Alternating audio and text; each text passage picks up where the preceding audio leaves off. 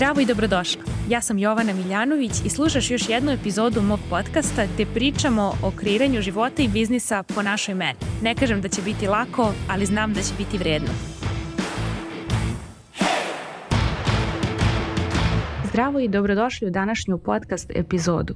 Danas želim da pričamo o tvom radnom stolu. Kakve sad veze ima radni sto i biznis po tvojoj meri i život po tvojoj meri?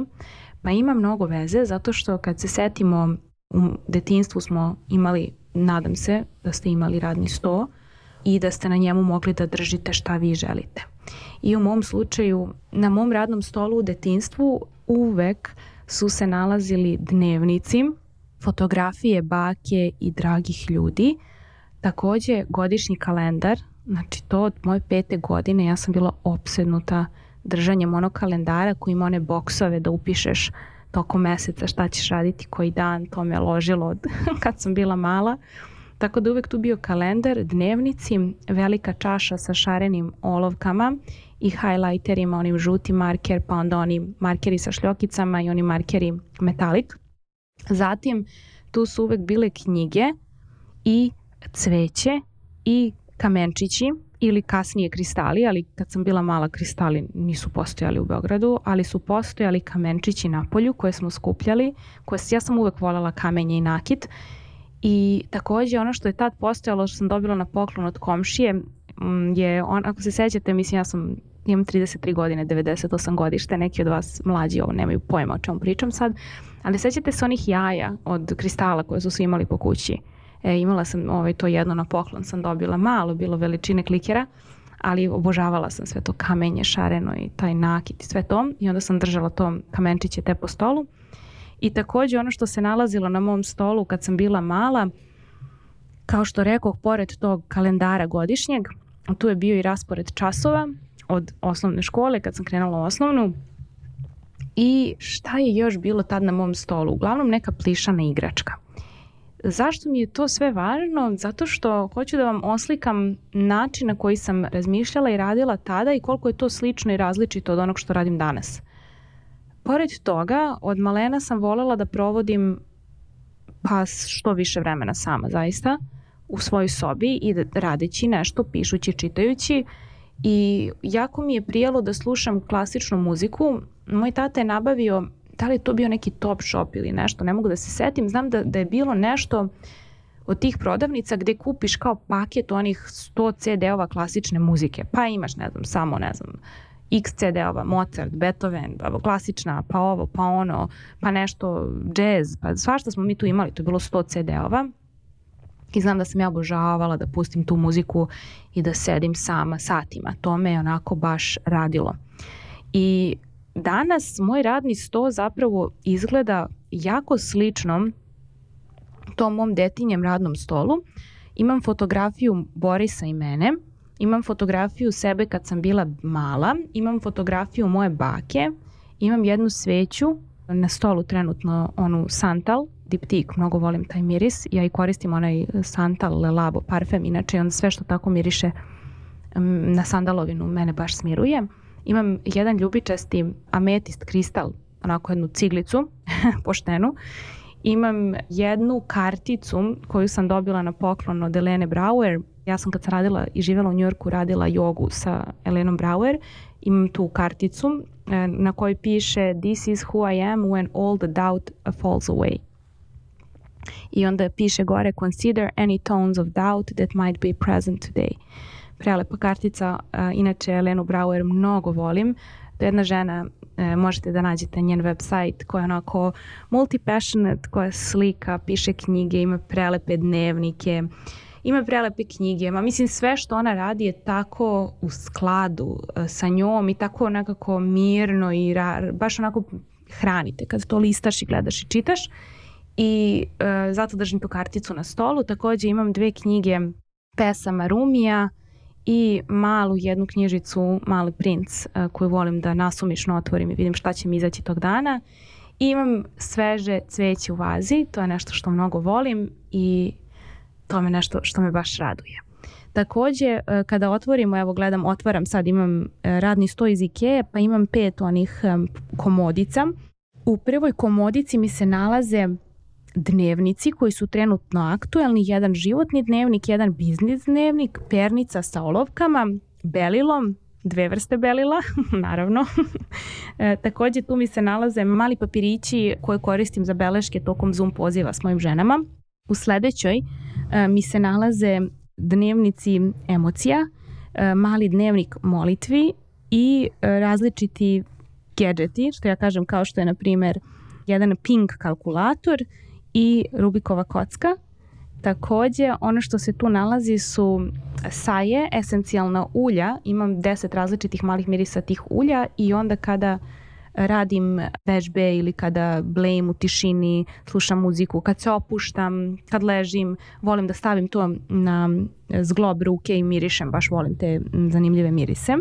U sledećem mi se nalaze diplome i skripte sa coaching programa koje sam prošla, to su mi Life Coach School Certification, Coach Certification, tu mi je i Master Coach Training, tu mi je Cara Lowenthal Advanced Feminist Coaching Certification, tu su mi neki od Stacy's, 200K i tako. Znači tu su mi te diplome, beleške, svetske čudesa.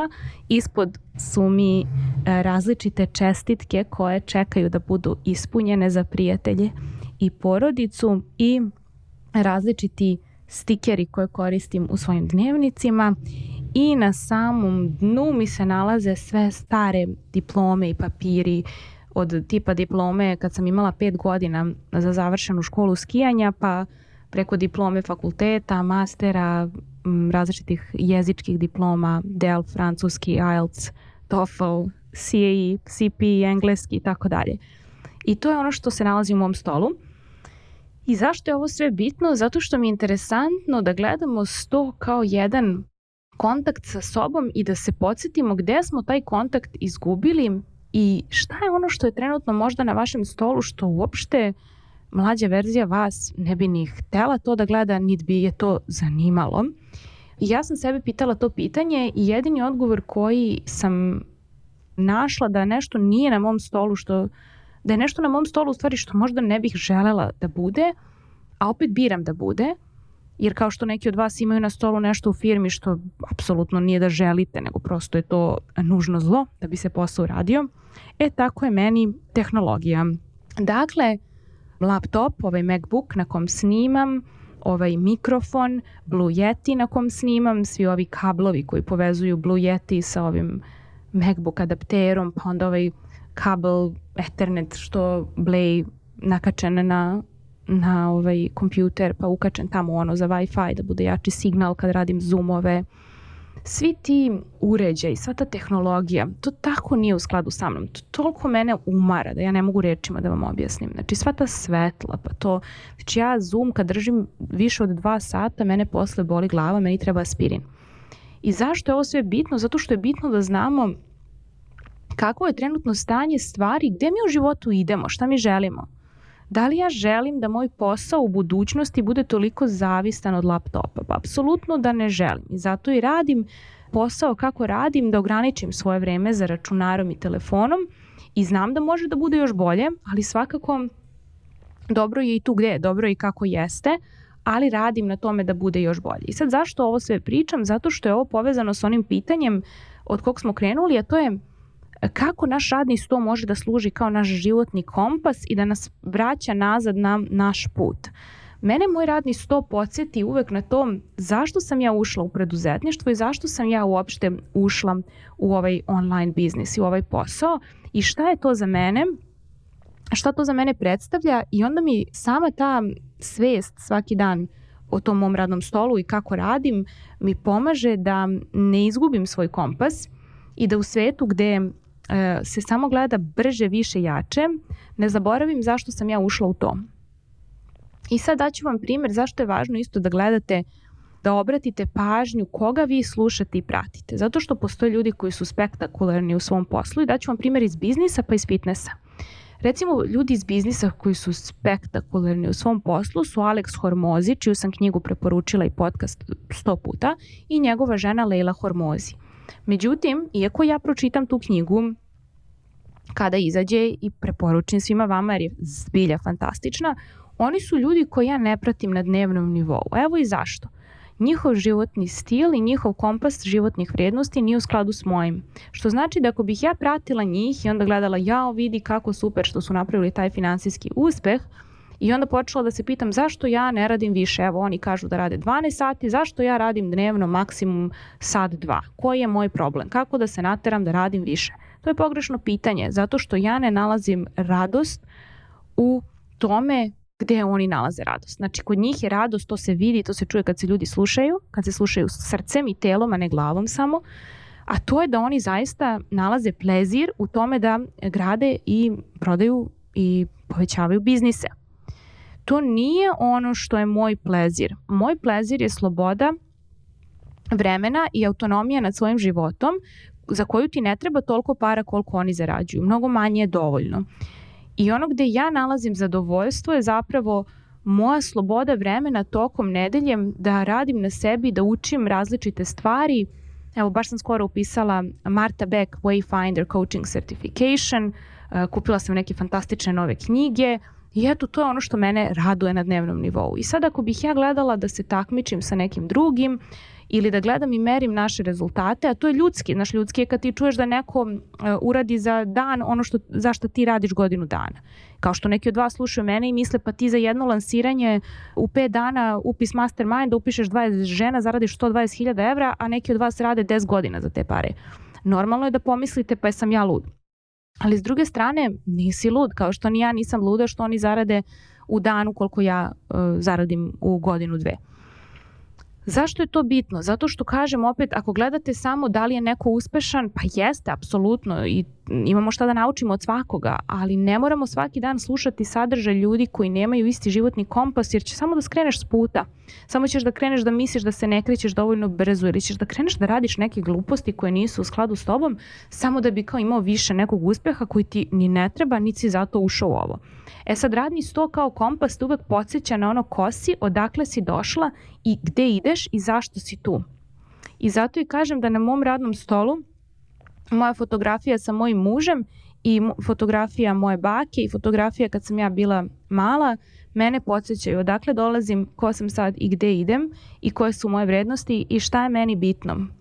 I e, neke žene čiji sadržaj konzumiram kroz knjige i podcaste svaki put e, mene vraćaju meni a to su Marta Beck, eh, Liz Gilbert, Glennon Doyle, Suzy Batiz i spomenuta Elena Brauer. To su žene koje kad slušam zaista, kao što rekao, slušam njihov podcast ili čitam njihovu knjigu, a sve sam bliže sebi. I to je sadržaj koji te hrani. I nije do tih žena, sad neki od vas mogu da odu i da ih slušaju i da kažu meni ovo sranje. I pravu ste, vama je to sranje, ali meni nije. Zato je bitno da vi nađete koji to sadržaj vas vraća bliže vama. Jer ne treba vama moj savet, ni, niti čiji savet, kako ćete vi uspeti u životu. Vi to znate, vi ćete to otkriti u sebi, ali da biste se povezali sa sobom, probajte da kreirate takvo okruženje audiovizualno i da slušate i gledate sadržaj koji vas vraća vama. I da se vratim na to zašto sam ja ušla u ovaj biznis kada se vratim u 2016. i u 2011. kad sam zapravo započela svoj blog, a u 2016. sam započela svoje radionice od hobija do posla.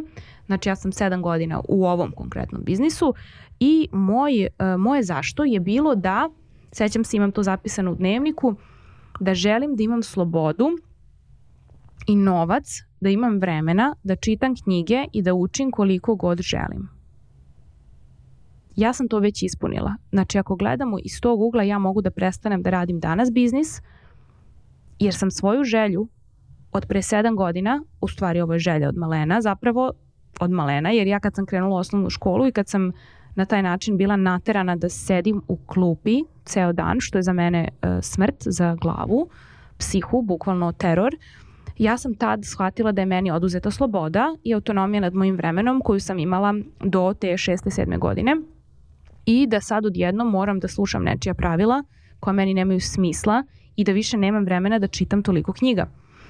Odnosno, imam da čitam druge knjige koje mi je neko zadao od kojih mi neke apsolutno nemaju smisla, koje su lektiri, neke su mi cool, ali neke su mi smeće i želim da čitam ono što ja želim da čitam. I onda kad pogledamo kako je zapravo škola kao takva nastala tokom industrijske revolucije, da se zapravo proizvode, kažem baš namerno reč proizvode, ljudi u školi koji će biti sjajni radnici. Znači, nemoj da misliš uradi šta ti kažem i istreniram ga da sedi ceo dan i da ćuti, da ne pita pitanja. Nemoj da ti budeš nešto tu kreativan. Ćuti tu i radi, nisi plaćen. Znaš što kad kažu, nisi plaćen da misliš, e?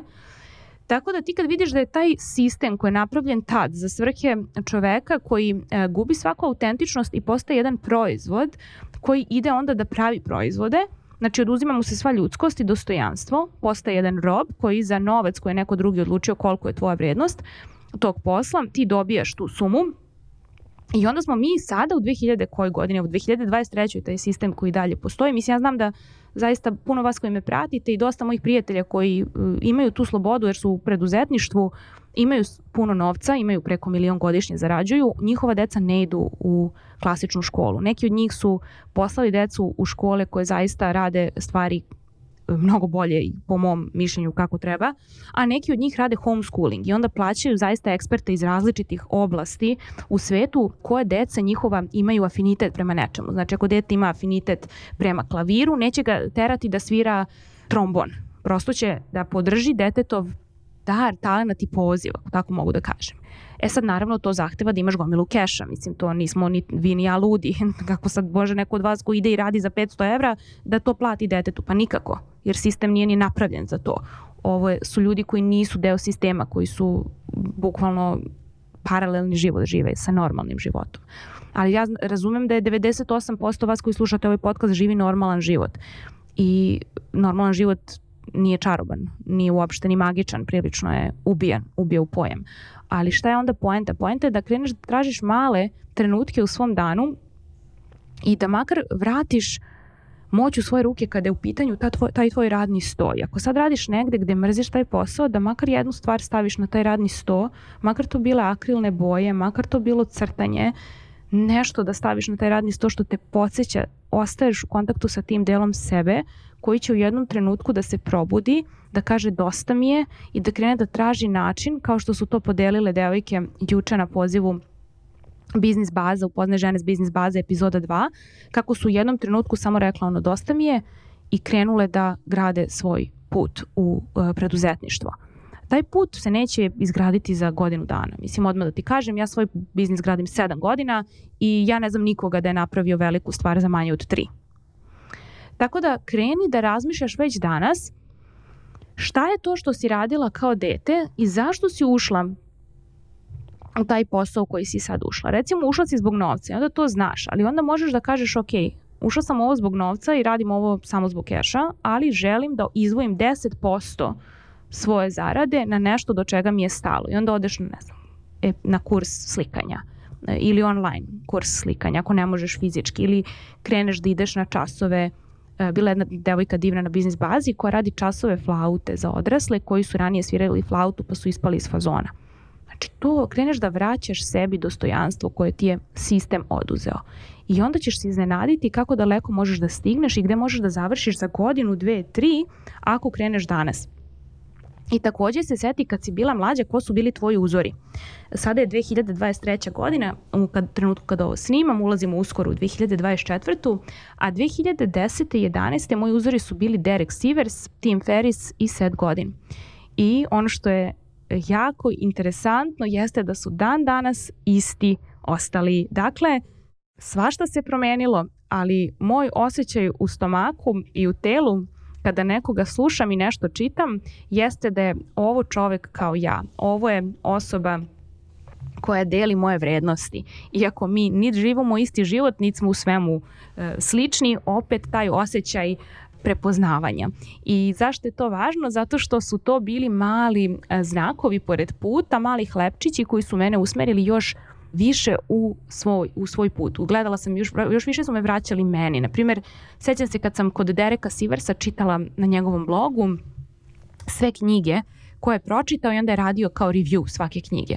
I da sam ja razmišljala, jao bože, prvi put osjećam emociju o kojoj svi pričaju, ono kao ljubomora i zavist. Jer ja u osnovu uopšte se nisam povezivala s tim, do trenutka kad sam čitala Derekov blog i onda je on radio review tih svih knjiga, a ja sam u tom trenutku radila dva posla i satirala se od posla za 2000 evra, bukvalno nisam znala gde bijem i on priča o tim knjigama. Ja kao, brate, ovaj čovjek ima vremena da čita ove knjige i ne samo da ih čita, nego da nama posluži siže svake knjige, wow, kakav kralj, ono, ja ovo želim. I koliko mi je značio što sam osetila tu ljubomoru u trenutku, ja ovo želim, ja ovo želim, i koliko mi je to služilo kao kompas da sebi priuštim takav život koji imam danas, gde ako hoću danas da sedim i čitam, brate, tri knjige, ja ću to da radim. I nekim danima to i radim. Tako da setite se za, zašto ste ušli ovo što ste ušli, pogledajte vaš radni sto, ne mora uvek biti radni sto. Ja kad sam bila mala sam voljela da crtam i slikam, međutim nisam nešto bila dobra u tome i takođe nisu me nešto baš ni moji podržali u tome. Bili su u fazonu uh, ovo objektivno nije baš nešto, e, ali dobro, smešno mi je sad zato što ok, nisu me podržali u tome, ali mislim bili su u pravu, ono kao objektivno je bilo sranje to što sam crtala i slikala, ali nema veze, nije poenta bila da dobijem nagradu ni da u svemu budem dobra, poenta je bila da se izrazim, da izrazim svoje emocije. Međutim, Međutim, ja sam za jedan rođen tražila da dobijem štafelaj i onda su oni svi, porodično, baba, deda, mama, tata, svi su mi uzeli štafelaj. I kad sam dobila taj štafelaj, ja sam se skroz zaključala i uplašila zato što sam pomislila, oni su sad svi uložili novac u to da kupe taj štafelaj koji nije bio jeftin tada, mislim verujem da ne znam ni da li danas, i baš mi onako osetila sam užasnu odgovornost i strah me paralisao jer sam pomislila jao, ja sad ne mogu da naslikam ništa, zato što sad imam neko ovo meni dao, nije više parče papira iz moje svetske, neko je meni sad ovo dao sa ovim velikim platnom, neko uložio novac i ja sam se totalno paralisala i nisam koristila taj štafelaj dok ga nisam poklonila nekome ko zapravo želi da slika nije imao novac da kupi. I eto još jedne e, priče gde nekada izgubimo sebe u trenutku jer nismo spremni da preuzmemo odgovornost, da pustimo sebe na miru, da se sklonimo sebi s puta i da dozvolimo sebi da naše slike ili naša umetnost ili naš e, blog post ili naš podcast bude sranje. Ja tad nisam imala hrabrosti da dozvolim sebi da to bude sranje i onda sam zato izabrala da ubijem taj deo sebe, što je fuj, ali dobro, nema veze. Sada sam trenutno u godinama i u fazi gde imam vremena, imam para, mogu da se vratim kad budem želela tome i malo sam istraživala i gledala neke kurseve. Ja volim akrilne boje i taj stil onako, eto, kao što rekoh, od slikara ako gledamo, volim rad Debore Tar, volim ove crteže naivne, male, slatke od Elene Brauer. To je ono što mene ispunjava i smiruje. Tako da eto, to je eto poziv i meni, eto nisam ni znala da ću o ovome pričati, ali poziv meni da se vratim nečemu što sam ja zaturila tokom života. I poziv meni da na nedeljnom nivou zaista gledam da koliko god mogu dana u nedelji sklonim laptop sa stola što i radim i sklonim sve te kablove i ne bude mi teško da ih sklonim i spakujem u ormar i onda ih iznesem kad ponovo treba da radim jer ja osjećam da korišćenje tog laptopa i svega toga nije nešto što meni prija. Jeste nešto što volim da držim Zoom, volim da pričam sa ženama, ali ceo deo posle vezan za mailove koji sam i delegirala i Tamara Lapčević s kojom radim već godinama odgovara na sve skoro moje mailove, bukvalno skoro sve, ja nemam više želju ni potrebu da provodim vreme za ekranom. Sa 33 godine mislim da sam dosta bila za ekranom i hvala Bogu pa sam imala i taj ekran jer neko ni nema taj laptop, ja sam ga imala, dobila sam ga još u srednjoj školi, kompjuter i kreirala sam biznis kakav jesam zahvaljujući internetu, zahvaljujući sebi, mislim tome što sam bila proaktivna, što nisam čekala da bude savršeno da bi bilo završeno, ali s druge strane mislim da treba znati kada stati i kažem u narednim godinama jako me zanima gde će ići moj sadržaj i šta će se menjati kada ostvarim još neke svoje privatne ciljeve i kada budem malo tako restrukturirala biznis, da ne budem toliko vremena online, verovatno će to značiti samo da bude više podcasta ili više blog postova, a da mene ne bude uopšte na mrežama, jer ja ne vidim nikakvu satisfakciju u tome. Mislim, nikada i nisam, da budemo iskreni. Više sam to radila zato što znam da je to ala da dođem do žena kojima mogu da pomognem kroz podcast i besplatan sadržaj na blogu i to je to. Ali nigde nisam videla nikad smisao veći u tome. Jel, više sam videla od početka koliko to ubija ljudskost i to nije nešto što želim da podržim. Mm, tako da eto, toliko od mene u ovoj epizodi, pogledajte vaš radni sto, vidite kako možete da vi nešto vratite u svoj život kao što je za mene to slikanje. I čujemo se uskoro u novoj epizodi, a ako niste, pogledajte besplatne otvorene Zoom pozive gde svi vi koji me pratite, a niste u finansijskoj situaciji da se pridružite na Biznis Bazi ili Mastermindu, možete doći i postaviti pitanje. I pogledajte divne epizode serijala upoznaj žene s biznis bazer, njihove priče su baš inspirativne i mnogo su više relatable tu gde ste vi sada, većina koji slušate, koji radite i dalje negde u firmi, nego ja u sedmoj godini biznisa. Mislim da ćete se više povezati sa njima nego sa mnom u tom smislu i e, nadam se da će vam koristiti i čujemo se uskoro. Hvala ti što si uložila svoje vreme i energiju u slušanje ove epizode mog podcasta. Ukoliko želiš da radiš sa mnom, najbolje mesto da se informišeš o aktualnim ponudama je moj website www.jovanamiljanović.com. Čujemo se tamo na newsletteru i Instagramu.